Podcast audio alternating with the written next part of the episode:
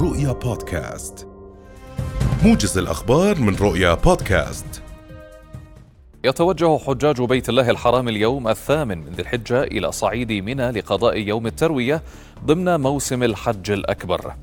وسمحت السعودية لمليون متلق للقاح فيروس كورونا بينهم 850 ألفا جاءوا من الخارج بأداء فريضة الحج هذا العام بعد عامين من تقليص الأعداد بشكل كبير بسبب الوباء.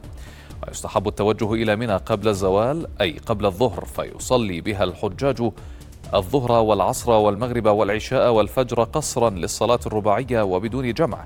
ولا فرق في ذلك بين أهل مكة وغيرهم.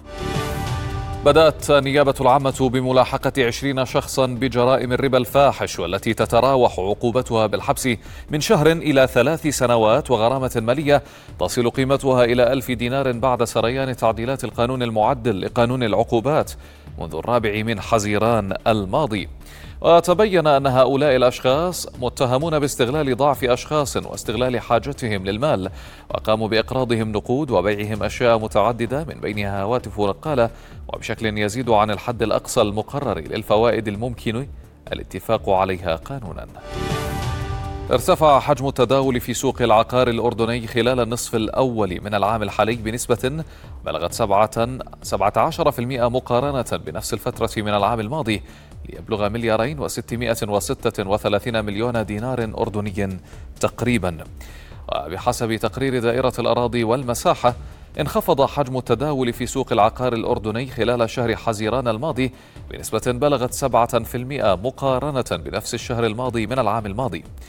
أما حركة بيع العقار في الأردن خلال النصف الأول من العام الحالي فقد انخفضت بنسبة بلغت 8% حيث انخفضت بيوعات الشقق بنسبة بلغت 3% وانخفضت بيوعات الأراضي بنسبة 10% مقارنة بنفس الفترة من عام 2021 اقتحم عشرات المستوطنين اليوم باحات المسجد الأقصى المبارك الحرم القدسي الشريف.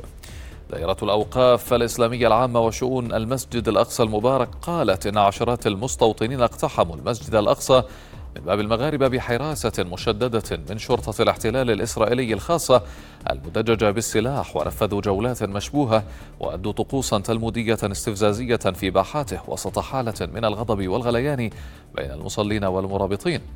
وأشار البيان إلى أن هذا الاقتحام يأتي غاداة عيد الأضحى المبارك. يصوت مجلس الأمن الدولي اليوم على مشروع قرار يمدد آلية إيصال المساعدات الإنسانية عبر الحدود في سوريا من دون الموافقة أو موافقة دمشق التي تريد روسيا تمديدها ستة أشهر فقط فيما تطالب الدول الغربية تمديدها لمدة عام. ويستفيد مليونان وأربعمائة ألف سوري شهريا من مساعدات تدخلها الأمم المتحدة وفق بيانات مكتب تنسيق الشؤون الإنسانية. عبرت الحدود خلال العام الحالي وحده أكثر من 4600 شاحنة مساعدات كان غالبيتها مواد غذائية أعلنت جماعة الحوثي اليمنية عن مبادرة من جانب واحد لفتح طريق فرعي في محافظة تعز بمناسبة عيد الأضحى في خطوة قالت إنها تهدف لتخفيف معاناة سكان المحافظة التي تفرض عليها الجماعة حصارا خانقا منذ ثماني سنوات. واشترطت الجماعة خروج القوات الحكومية من تعز لفتح طريق آخر رئيسي بالمحافظة ولوح مجلس الحكم التابع للجماعة بعدم تجديد الهدنة الإنسانية إذ اتهم التحالف العربي بعدم تنفيذ جميع بنودها وقال إن ذلك مؤشر سلبي لا يشجع على استمرار النقاش لبحث أي تجديد للهدنة. قالت مديرة صندوق النقد الدولي أن توقعات الاقتصاد العالمي ساءت كثيرا منذ نيسان إبريل وإنها لا يمكنها استبعاد إمكانية حدوث ركود عالمي في العالم المخ... في العام المقبل في ظل المخاطر الضخمة القائمة.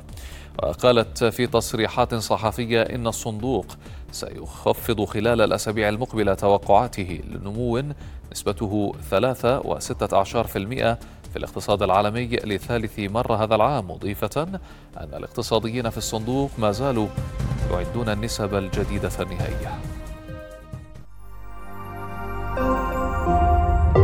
رؤيا بودكاست.